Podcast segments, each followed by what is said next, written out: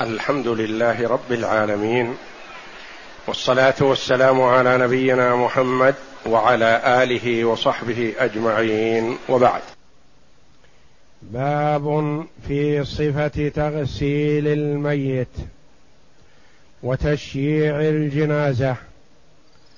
الحديث السادس والخمسون بعد المئة. عن أم عطية الأنصارية قالت دخل علينا رسول الله صلى الله عليه وسلم حين توفيت ابنته زينب فقال اغسلنها بثلاث أو خمس أو أكثر من ذلك إن, أري إن رأيتن ذلك بماء وسدر.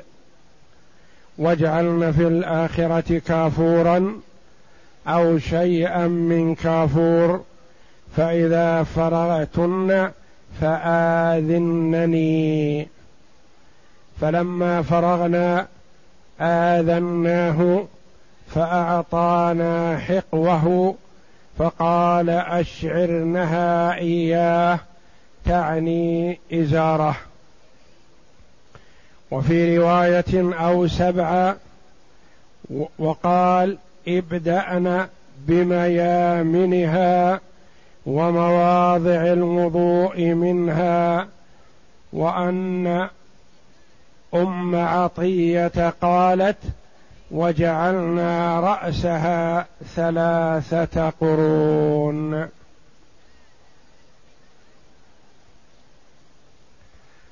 هذا الحديث أورده المؤلف رحمه الله تعالى لبيان صفة تغسيل الميت.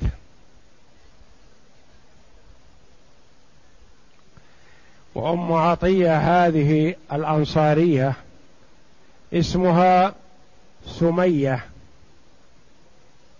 أو اسمها نسيبة. نسيبة أو نسيبه بضم النون أو فتحها. أنصارية بايعت النبي صلى الله عليه وسلم وهو وهي من فقيهات الصحابة رضي الله عنهن. يرجع إليها في كثير من الأحكام أخذتها عن النبي صلى الله عليه وسلم. وكانت هي من مغسلات الميتات في المدينة.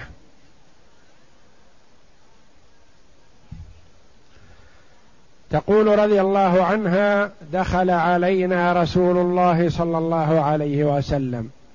يعني جاءهن وهن يردن تغسيل ابنته. حين توفيت ابنته زينب.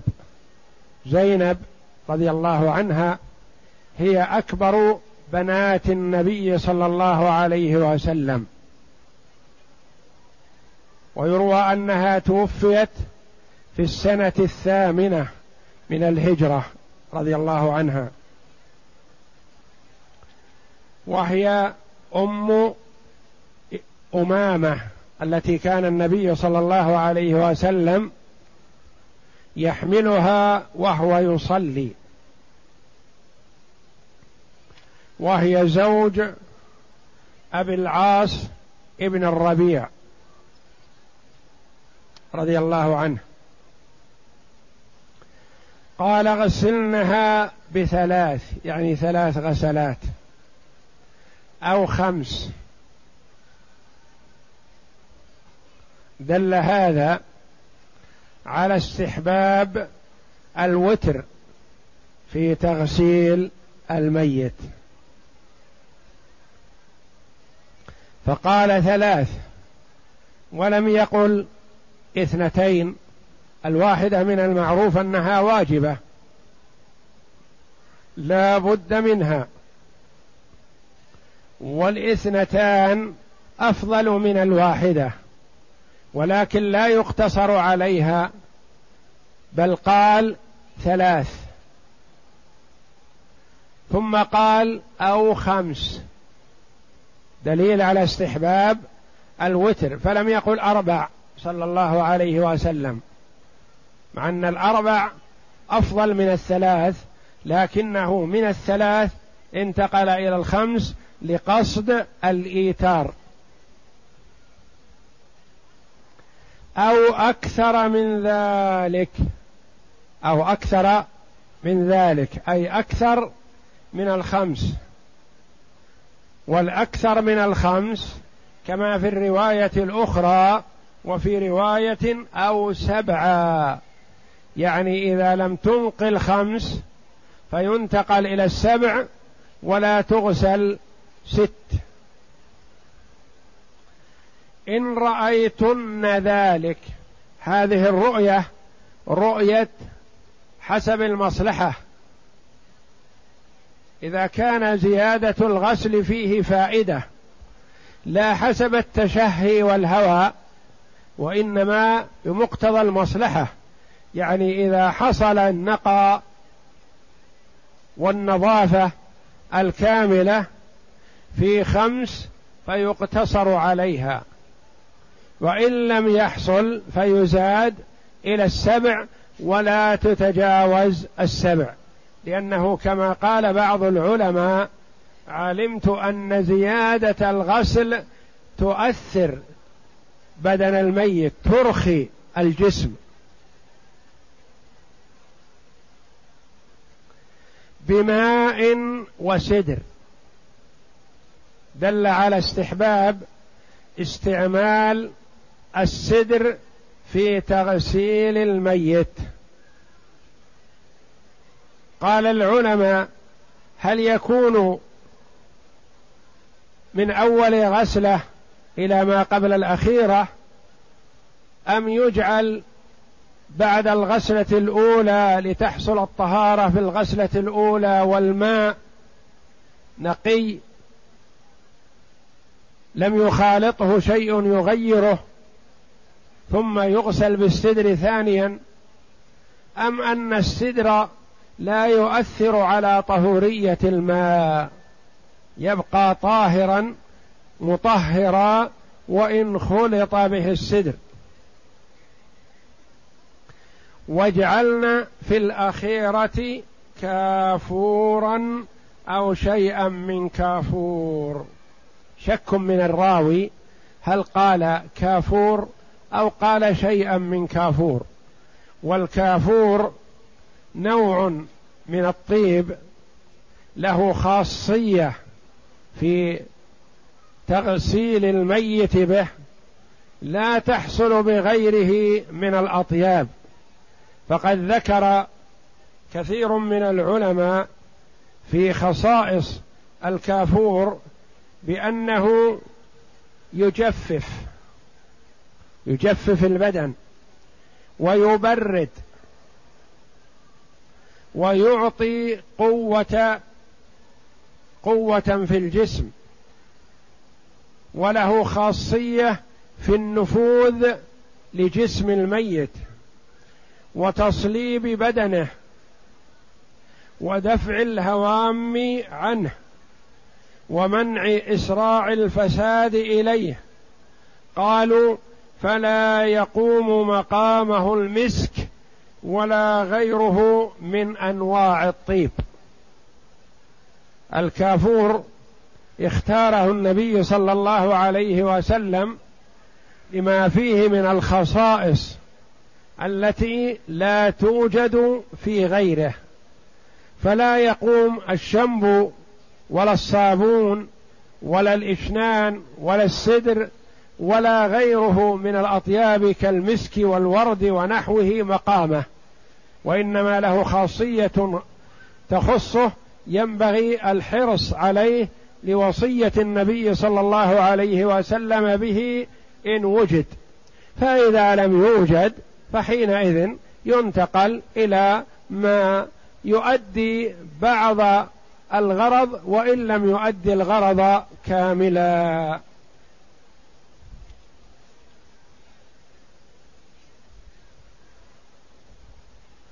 واجعلنا في, الآخر في الآخرة كافورا أو شيئا من, من كافور. واختلف العلماء رحمهم الله في وضع الكافور. هل يمزج بالماء أو أنه يدلك به الجسم بعد الغسلة الأخيرة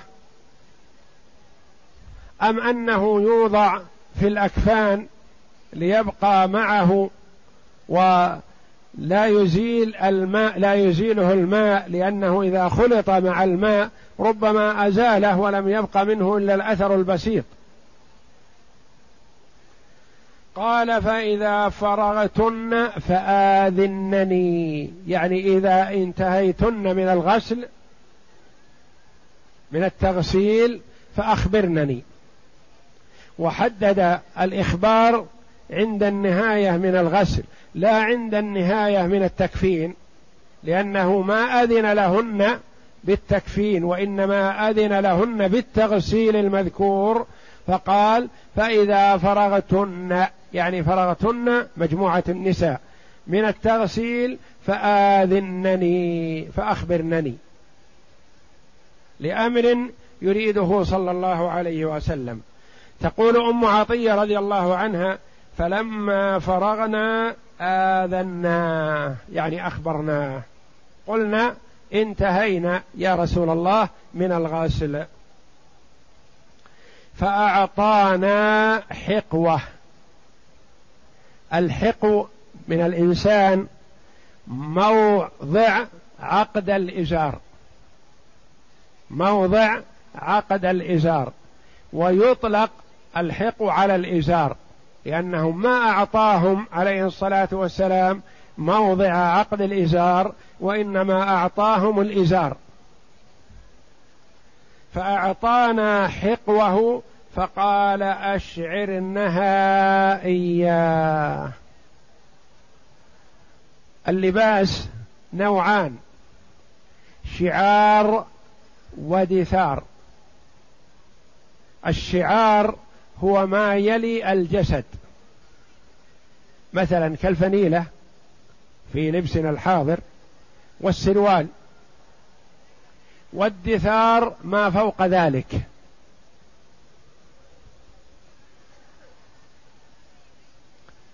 وسمي اللباس الذي يلي الجسد شعار لأنه يلي شعر البدن.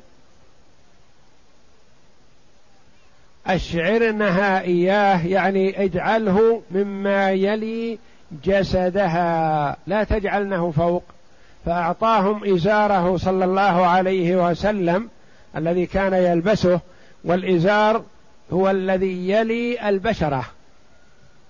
فأعطاهم لباسه صلى الله عليه وسلم الذي يلي بشرته ليجعلوا ليجعلنه لباسا لابنته مما يلي بشرتها.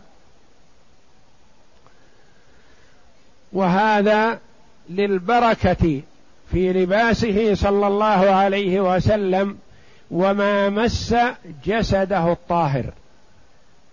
وهذا خاص به صلى الله عليه وسلم خلافا لما توهمه بعض العلماء رحمهم الله قالوا إنه يؤخذ من هذا جواز التبرك بالصالحين والعلماء. ونقول لا ليس الأمر كذلك. ما كان هذا معروف عند الصحابة رضي الله عنهم وإنما التبرك به صلى الله عليه وسلم وحده عليه الصلاة والسلام.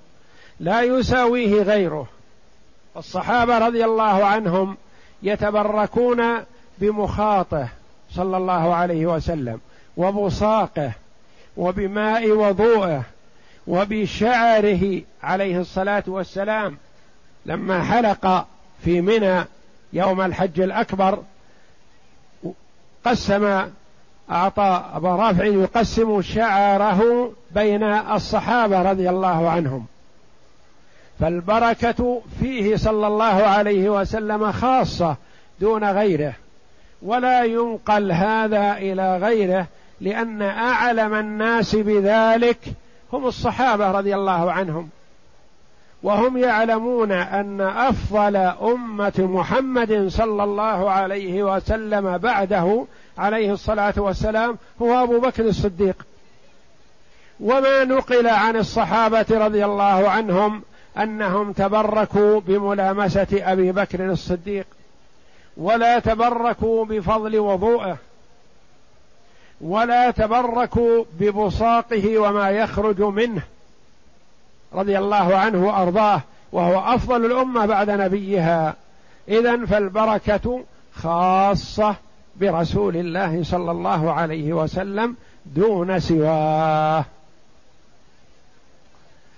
ودل هذا على أنه يجوز أن تلبس المرأة شيئا من لباس الرجل إذا كان ذلك لغرض صحيح. فمثلا إذا كان لستر العورة وليس عندها ما يستر عوله إلا ثوب الرجل فتلبسه. أو تريد الصلاة وليس معها ما يستر جميع بدنها فاستترت بلباس رجل من غير تشبه بالرجال فلا بأس بذلك.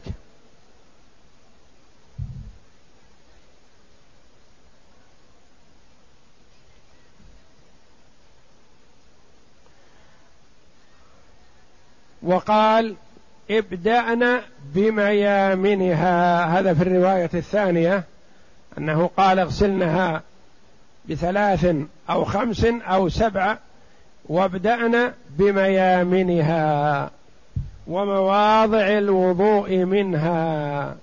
قد يتوهم بعض الناس التعارض في هذا. قال بميامنها ومواضع الوضوء منها. الميامن شيء ومواضع الوضوء اليمين والشمال.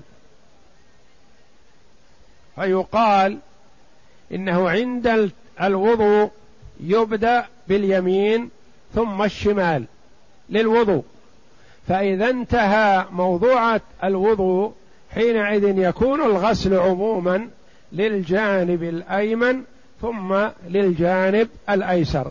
وكما تقدم لنا أمس أنه اولا يوضأ كوضوء الصلاة إلا أنه لا يدخل الماء في فيه لأنه إن دخل ما خرج. ويخشى أن يخرج من أحد السبيلين فينجس الميت بعد غسله. وإنما تنظف أسنانه بالأصبع بأصبع مبلولة أو بخرقة مثلا وينظف ما يمكن أن يصل إليه التنظيف بالأنف ثم يغسل الوجه. ولا يدخل الماء في الأنف ولا في الفم. ويوضا وضوءه للصلاة ثم يغسل الشق الأيمن من الرأس إلى الرجل من جهة البطن ثم يغسل الشق الأيمن من الرأس إلى الرجل من جهة الظهر. فبدأنا بالميامن ثم يقلب على ظهره فيغسل الجانب الأيسر من الرأس إلى القدم مما يلي البطن ثم يقلب على جنبه الأيمن ويغسل الجنب الأيسر من جهة الظهر من الرأس إلى القدم. فيكون حينئذ بدأ بمواضع الوضوء لأنها أشرف. وبدأ بالميامن لأنها أشرف بالنسبة لعموم البدن. وعرفنا أن المجزئ في تغسيل الميت مرة واحدة. بدون وضوء. يعني مرة واحدة لجميع البدن بعد غسل السبيلين بمثابة الاستنجاء تطهيرا لهما ثم بعد ذلك يغسل مرة واحدة بالماء هذا المجزي. والأفضل والكامل هو ما ورد في هذا الحديث. كالغسل من الجنابة. كالغسل من الجنابة للحي. فالمجزي أن يستنجي اولا حتى لا يمس السبيلين ثم يغسل عموم بدنه من رأسه إلى قدمه مرة واحدة. وهذا يكفي. ويدخل الوضوء ضمن الاغتسال من الجنابة ونحوها كالحيض بالنسبة للمرأة والنفاس. فالغسله الواحدة مجزئة. والأفضل الاغتسال من الجنابة أن يتوضأ وضوءه للصلاة بعد الاستنجاء ثم يغسل رأسه ثلاث مرات ثم يعمم بدنه بالماء مرة أو ثلاث مرات ويغسل قدميه مكانا آخر إن خشي تلوثهما في المكان الذي يغتسل به وإذا لم يخشى التلوث فيكفي غسلهما مع الوضوء أول قبل الاغتسال. ابدأنا بميامنها ومواضع الوضوء منها. وأن أم عطية رضي الله عنها قالت وجعلنا لأنها تتكلم عن نفسها وعمن معها من التغسيل. فهي لا تتكلم عن نفسها. وإنما هذه النون نون الجماعة من النسوة. وجعلنا رأسها ثلاثة قرون. ثلاثة قرون يعني ثلاث جدايل أو ثلاث مثلا آه، تسريحات. توزع علشان ما يجتمع الشعر كله لمة واحدة فيؤثر على ظهرها وإنما يوزع ثلاث قرون أو ثلاث ضفائر خلفها.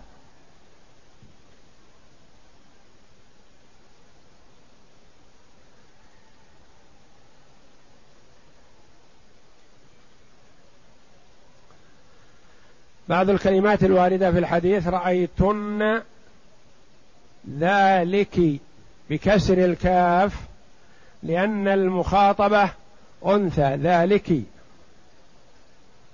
كما قال النبي صلى الله عليه وسلم لأم حبيبة وأم سلمة لما رأت لما رأت من الكنائس في أرض الحبشة قال أولئك خطاب للمرأة. سدر هو شجر النبق والذي يغسل به ورقه بعد طحنه يعني حتى يكون ناعما لأنه إذا غسل به وهو على ورقه ما ما نظف وما استفيد منه كثيرا وإنما يكون بعد سحقه ودقه بحيث يكون ناعم. كافور نوع من الطيب وعرفنا شيئا من خواصه. آذنني بمعنى أعلمنني. وعرفنا الحق والشعار هو ما يلي الجسد من اللباس.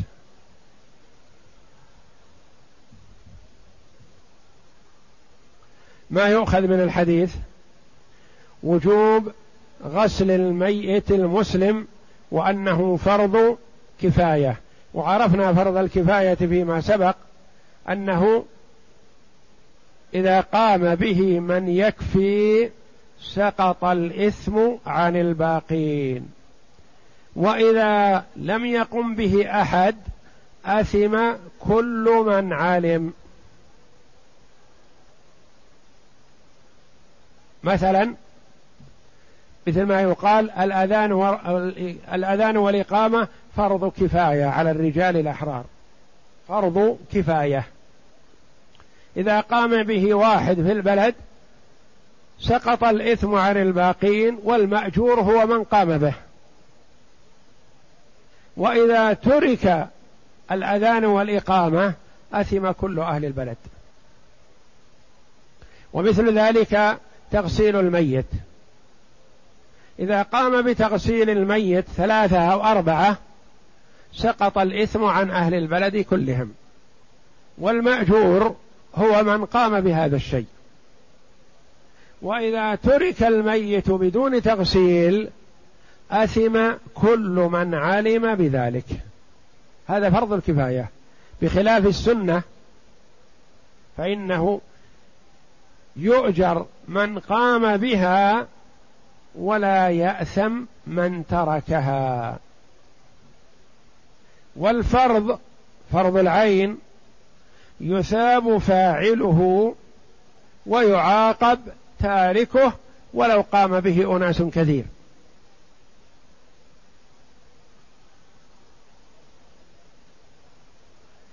أن المرأة لا يغسلها إلا النساء. بدليل أن النبي صلى الله عليه وسلم لم يتولى تغسيل ابنته مع شفقته ومحبته لها عليه الصلاة والسلام ورضي الله عنها. وبالعكس يعني الرجل لا يغسله إلا الرجال إلا ما استثني. الرجل يجوز أن تغسله زوجاته أو جواريه اللاتي هن فراشا له. والمرأة يغسلها زوجها وسيدها حالة كونها فراشا له إذا كانت أمة. والأخير فيه خلاف. لأن بعض العلماء قال الزوج لا يغسل زوجته لأنها بوفاتها انقطعت الزوجية فيجوز أن يكون في عصمته إختها أو خالتها أو عمتها. والصحيح جواز ذلك لأن علي بن أبي طالب رضي الله عنه غسل فاطمة رضي الله عنها.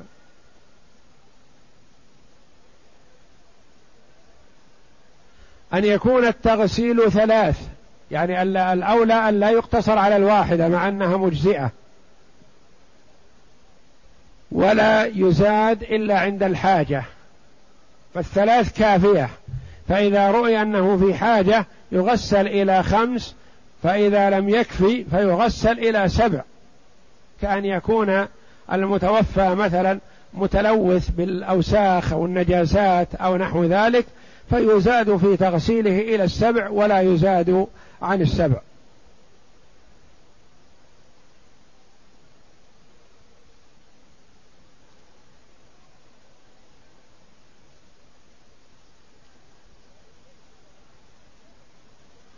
فإن غسل سبع وخرج منه شيء فحينئذ يسد مكان الخارج لأجل ألا يخرج فيلوثه وينجسه بما تيسر بقطن أو بطين أو بشطرطون أو بلصقة أو بنحو ذلك من الأشياء التي تمسك مكان الخارج فلا يخرج منه شيء ثم يوضأ بعد ذلك استحبابا.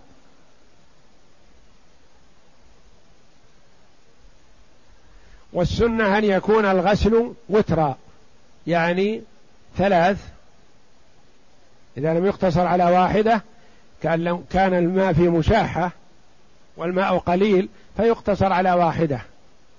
فإن لم يقتصر على واحدة فلا ينبغي الاقتصار على اثنتين وإنما يكون على ثلاث.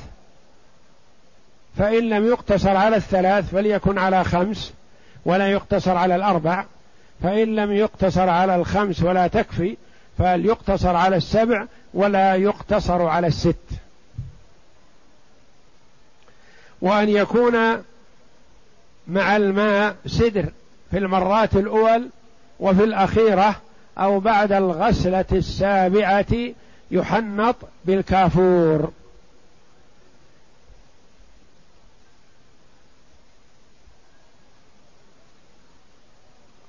وأن السنة البدء بأعضاء الوضوء أولا ثم باليمام بالميامن ثم عموم الجسد.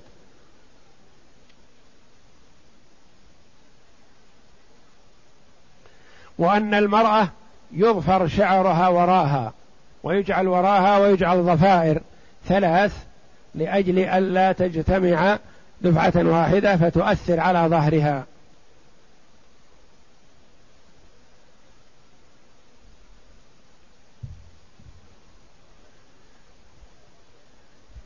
من هذا الحديث التبرك بآثار النبي صلى الله عليه وسلم. وأن هذا خاص به صلى الله عليه وسلم فلم يروى عن الصحابة رضي الله عنهم أنهم تبركوا بأبي بكر ولا تبركوا بعمر ولا بغيرهما من الصحابة. ولم ينقل عن أحد من التابعين أنهم تبركوا بالصحابة رضي الله عنهم. اذا فالتبرك خاص به صلى الله عليه وسلم دون ما سواه.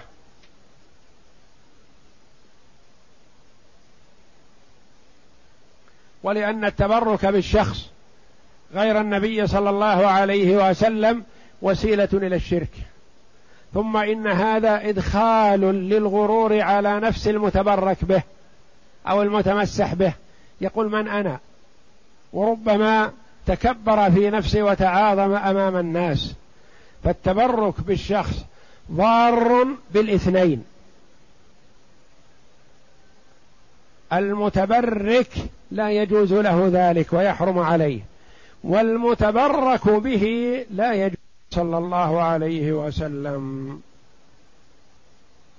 والله أعلم. وصلى الله وسلم وبارك على عبده ورسول نبينا محمد وعلى آله وصحبه أجمعين.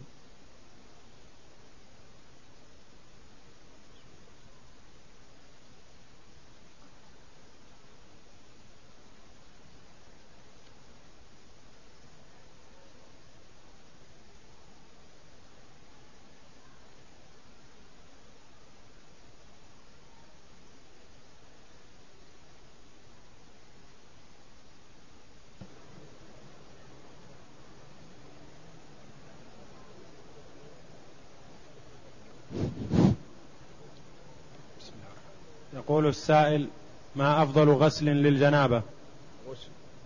ما أفضل غسل للجنابة؟ تقدم هذا قبل قليل لكن لا مانع من الإعادة. أولا الاستنجاء وغسل ما لوثه من آثار الجماع.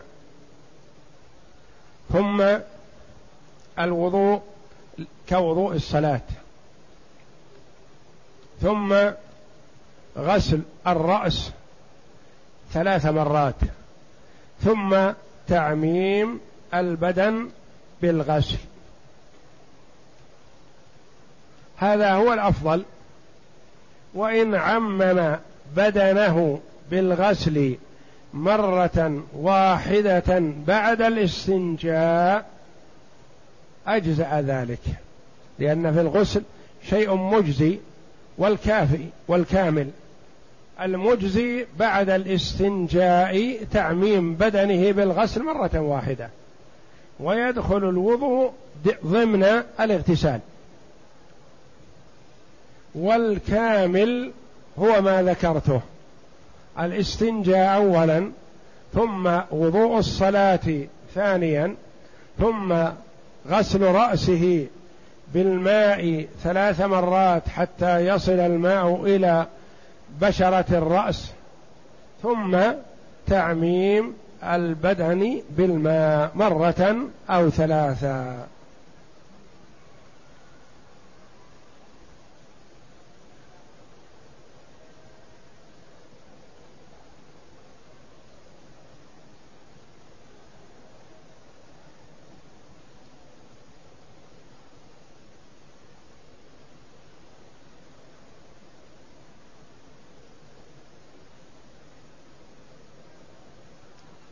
يقول السائل ما معنى وجعلنا رأسها ثلاثة قرون؟ ما هو القرون؟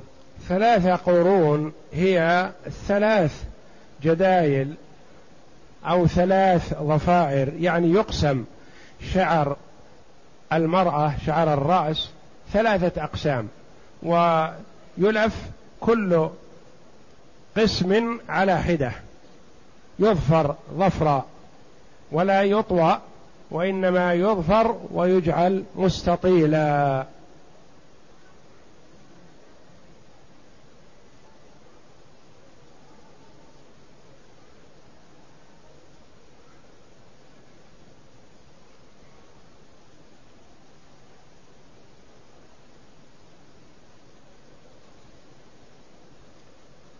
سائل يقول إذا كانت صلاة الجنازة على طفل فماذا يقال بعد التكبيرة الثالثة؟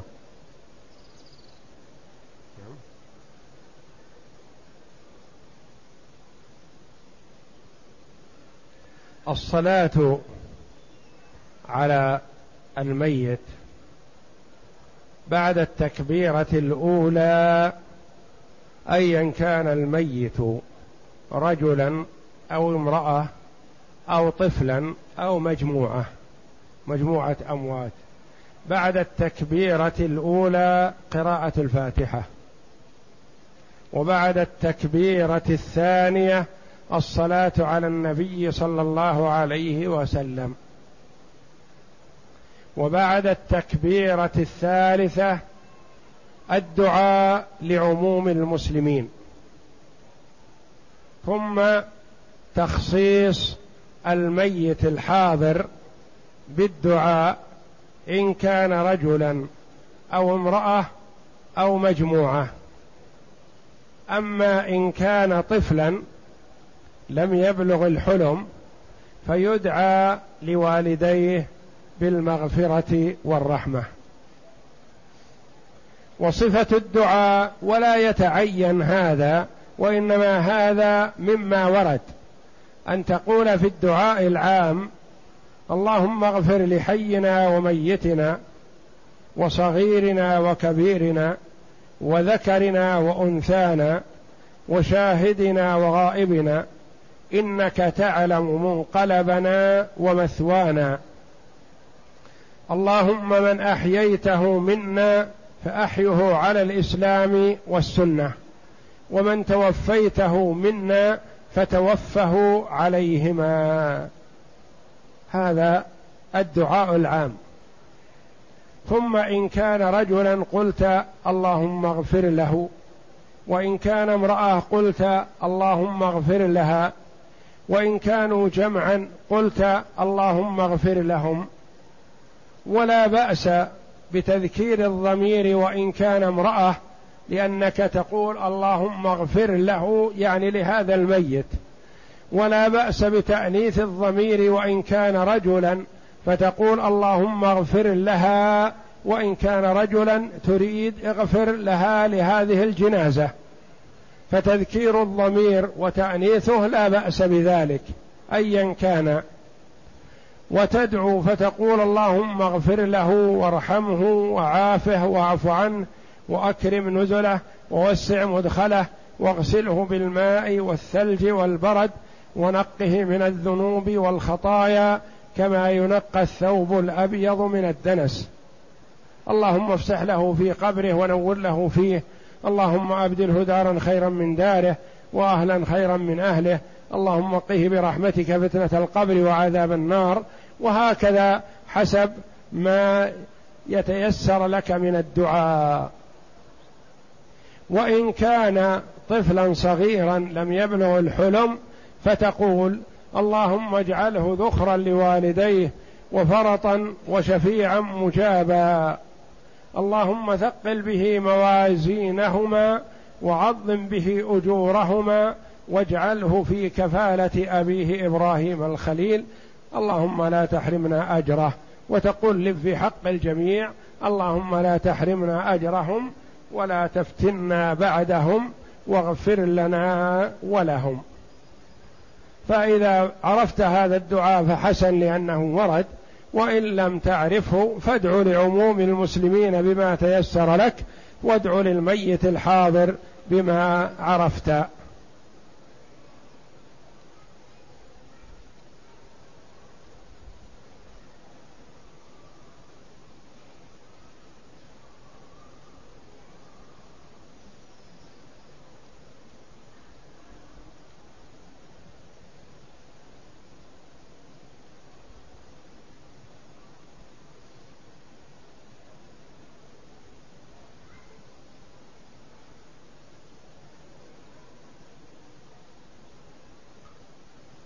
تقول السائلة إن زوجها يقيم هنا في مكة وأنها ترغب السفر إلى بلادها هل عليها إثم؟ الذي ينبغي في حقها أن أن تقيم مع زوجها ما دام زوجها يرغب في أن تقيم هي معه فلا ينبغي لها أن تترك زوجها وتذهب وخاصة أنها في أفضل البقاع وأشرفها وأحبها إلى الله جل وعلا. وتصبر على ما ينالها من المشقة أو من الغربة من أجل زوجها.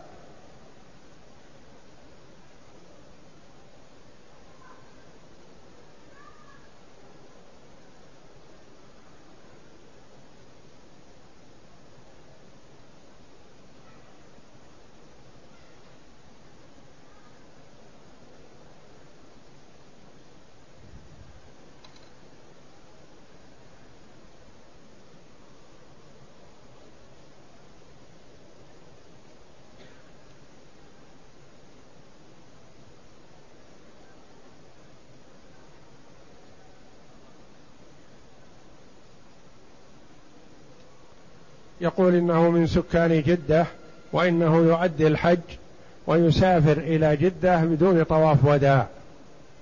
ولا يجوز له هذا لأن طواف الوداع في الحج واجب على كل من حج إلا إن كان من أهل مكة مقيم في مكة. وأما من يريد الخروج من مكة فإن عليه أن يطوف طواف الوداع قبل مغادرته. فإذا لم يطف طواف الوداع فحجه صحيح وعليه هدي لتركه الواجب لأن طواف الوداع واجب من واجبات الحج.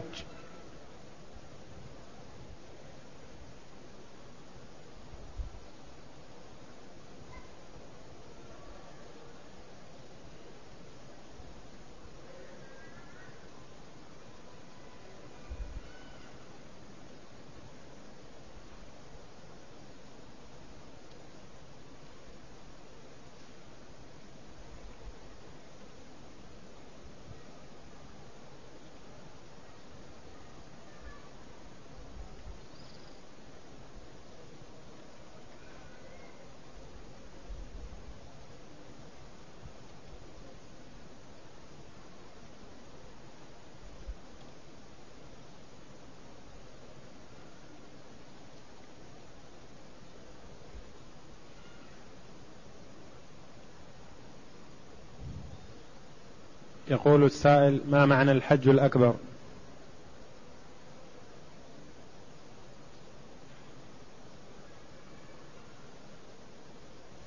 يوم الحج الأكبر. اليوم هو الذي يسمى يوم الحج الأكبر الذي هو يوم النحر اليوم العاشر من ذي الحجة لكثرة ما فيه من أعمال الحج. ففيه رمي الجمار والنحر والحلق أو التقصير والطواف بالبيت والسعي بين الصفا والمروة. كل هذه الأعمال الجليلة عملها النبي صلى الله عليه وسلم في يوم العيد يوم العاشر من ذي الحجة. فهو المسمى يوم الحج الأكبر وإلا فالحج هو هو ليس فيه حج أكبر ولا حج أصغر. وإنما قد يسمي بعض العلماء العمرة حجا أصغر. قد تسمى العمرة حج أصغر لأنها دون الحج.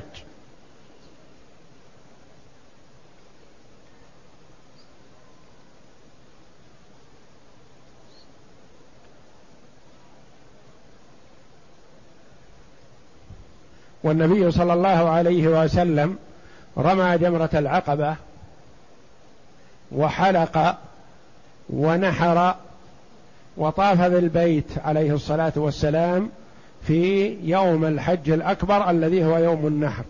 وأما السعي فلكونه صلى الله عليه وسلم قارن قد سعى مع طواف القدوم عليه الصلاة والسلام.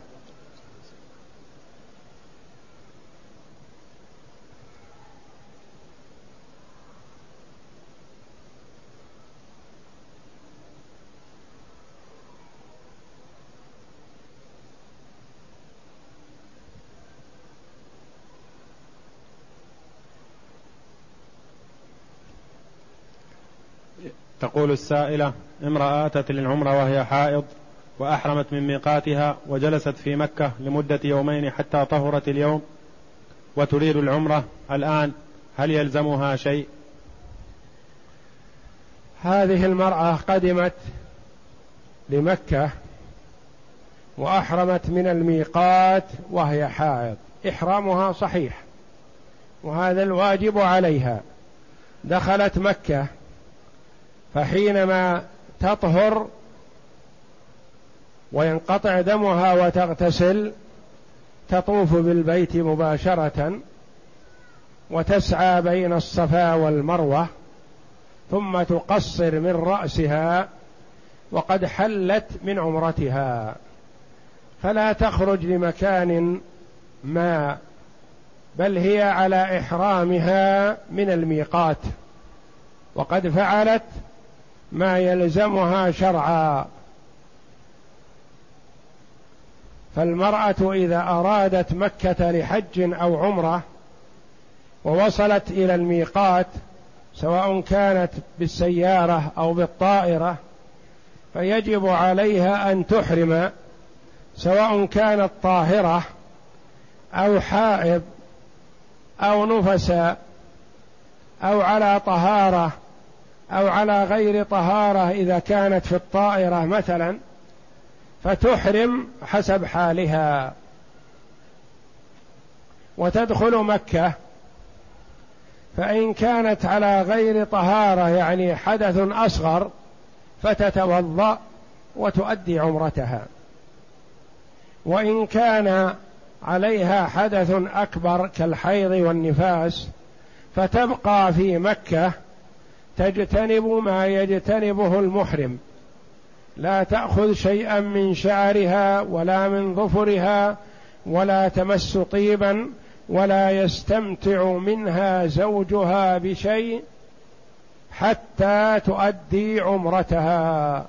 فإذا انقطع دمها واغتسلت طافت وسعت وقصرت من رأسها وقد حلت من عمرتها. تجهل بعض النساء تمر بالميقات فحينما تكون حائض لا تحرم. وقد أحرمت أسماء بنت عميس زوج أبي بكر الصديق رضي الله عنه مع النبي صلى الله عليه وسلم وهي نفساء. فتحرم المرأة على حسب حالها ثم تدخل مكة ولا تطوف بالبيت حتى تطهر وتغتسل.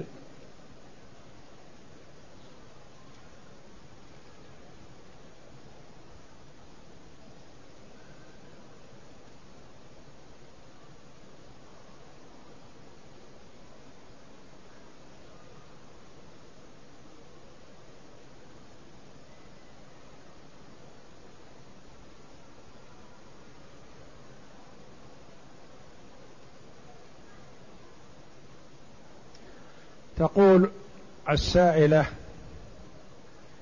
إن لديها إخوان يحاولون الإساءة إليها ويرسلون من يؤذيها ونحو ذلك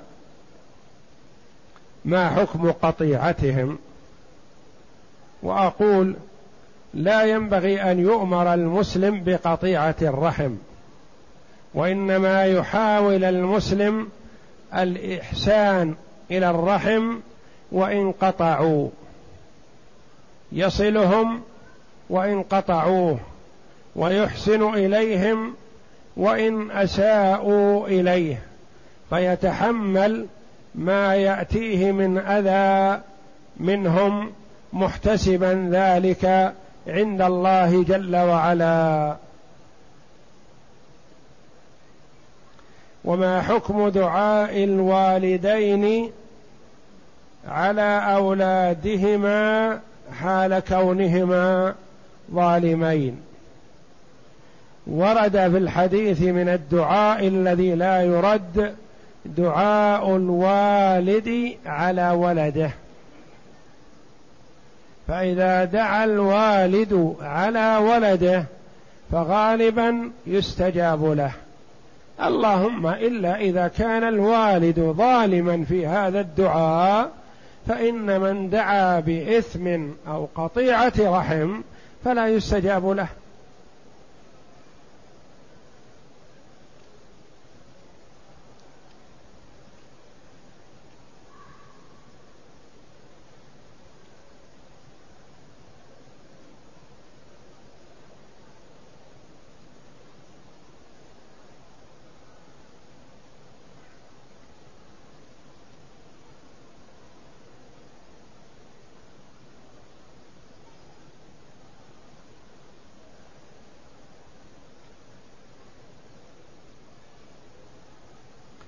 يقول إنه يريد الزواج من امرأة فلم يتيسر له ذلك ثم إنه أخبر أن شقيقه عقد عليها.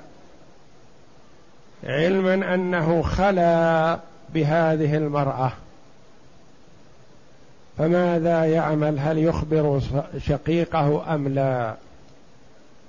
وأقول إن كان مجرد خلوة فقط. لم يحصل به زنا.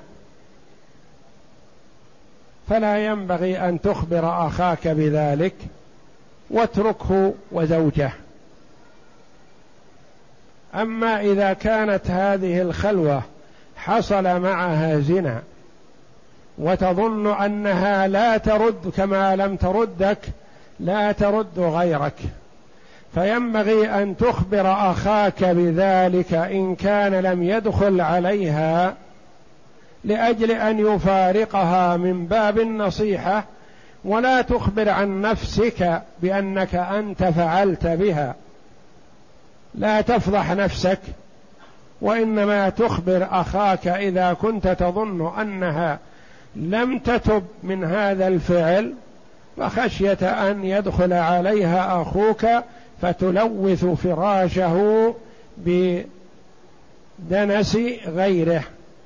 فانصحه بأن هذه المرأة غير محصنة يعني غير ثقة في نفسها. تقع في الفاحشة وقد علمت أنها وقعت في فاح في فواحش مثلا فلأجل أن يجتنبها أخوك لأن النصيحة في الزواج مأمور بها شرعا حتى وإن كان في هذا سب أو غيبة للآخر. لأن النبي صلى الله عليه وسلم لما سألته فاطمة وأخبرته أن معاوية وأبا الجهم خطباها فأيهما تطيع؟ نصحها صلى الله عليه وسلم قال أما معاوية فصعلوا كل مال له فقير. وأما أبو الجهم فضراب للنساء وفي رواية لا يضع عصاه عن عاتقه. قيل إن هذا كناية عن كثرة السفر أو كناية عن أنه كثيرا يضرب النساء. وأمرها أن تتزوج أسامة ابن زيد رضي الله عنهما. فأخبرها صلى الله عليه وسلم بما في الرجلين من العيوب. ودل على أن النبي صلى الله عليه وسلم لا يعلم الغيب إلا ما أطلعه الله جل وعلا عليه لأنه قال عن معاوية صعلوك لا مال له ثم أصبح خليفة المسلمين عموما. رضي الله عنه.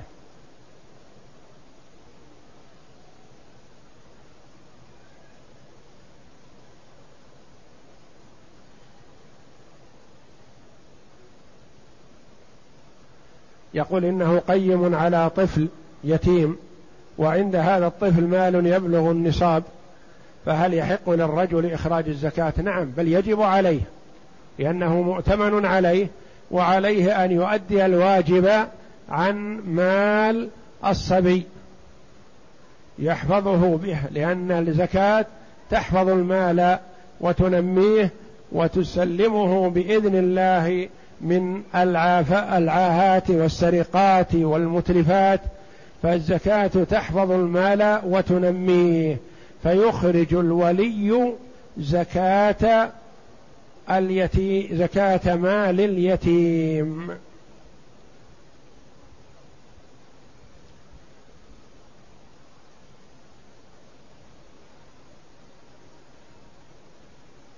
إذا كان الرجل قد قتل نفسه فهل يغسل ويصلى عليه؟ نعم.